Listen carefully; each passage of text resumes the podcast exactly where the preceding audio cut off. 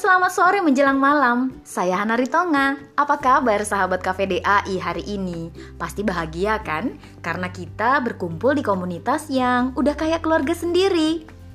Berbicara mengenai memperkenalkan diri sendiri, jujur, sejak kecil sampai SMA sebenarnya saya orangnya pemalu dan pendiam, nunduk terus kalau jalan dan ketemu orang. Nah, kenapa saya bisa jadi bawel kayak begini? Saya punya cita-cita jadi penyiar radio. Radio yang paling sering saya dengerin waktu SMA itu adalah iRadio dan penyiarnya adalah Agung Pambudi. Dia membawakan acara curhat malam-malam saya dengerin bisa memecahkan masalah orang lain dan suaranya bagus banget.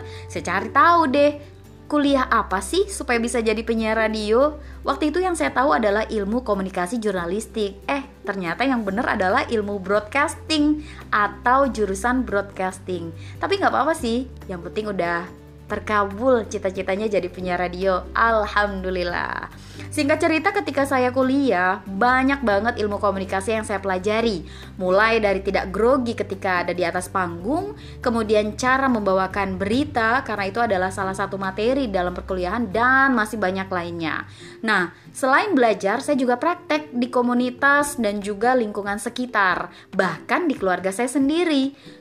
Kalau kita lagi ngumpul arisan, pada kaget kok sekarang Hana nih bawel banget ya perasaan dulu tuh diem kemudian nunduk terus kalau ketemu keluarga Nah, sejak itulah saya melihat ternyata apa yang saya pelajari di ilmu komunikasi berhasil. Intinya kalau buat teman-teman yang saat ini masih malu-malu, latihannya gampang cukup ngobrol sama orang sekitar atau orang di keluarga aja dulu deh. Kalau kita udah lancar, kemudian kita praktekin di lingkungan, insya Allah kamu bakal bawel kayak saya.